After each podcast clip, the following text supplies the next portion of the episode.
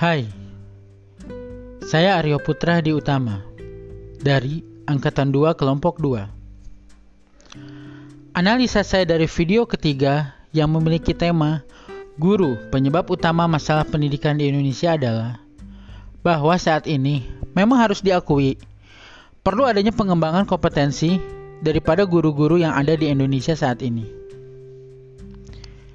Peningkatan inovasi dan kreativitas yang dimiliki oleh para guru harus dilakukan, sebab inovasi dan kreativitas tersebut nantinya harus mampu ditransfer dengan baik oleh para guru kepada para peserta didik. Transfer ilmu yang berjalan baik akan menjadi salah satu poin penting dalam membangun karakter dari para peserta didik.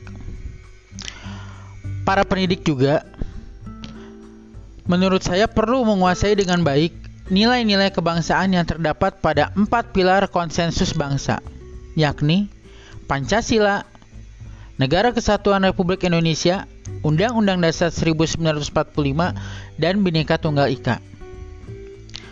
Karena pendidikan itu nantinya harus mampu melahirkan manusia Indonesia yang memiliki ilmu pengetahuan, kecakapan, keterampilan, dan yang paling utama memiliki karakter dan jiwa nasionalisme.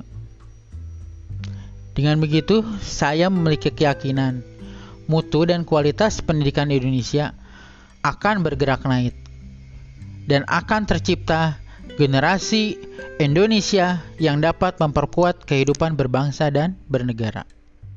Terima kasih.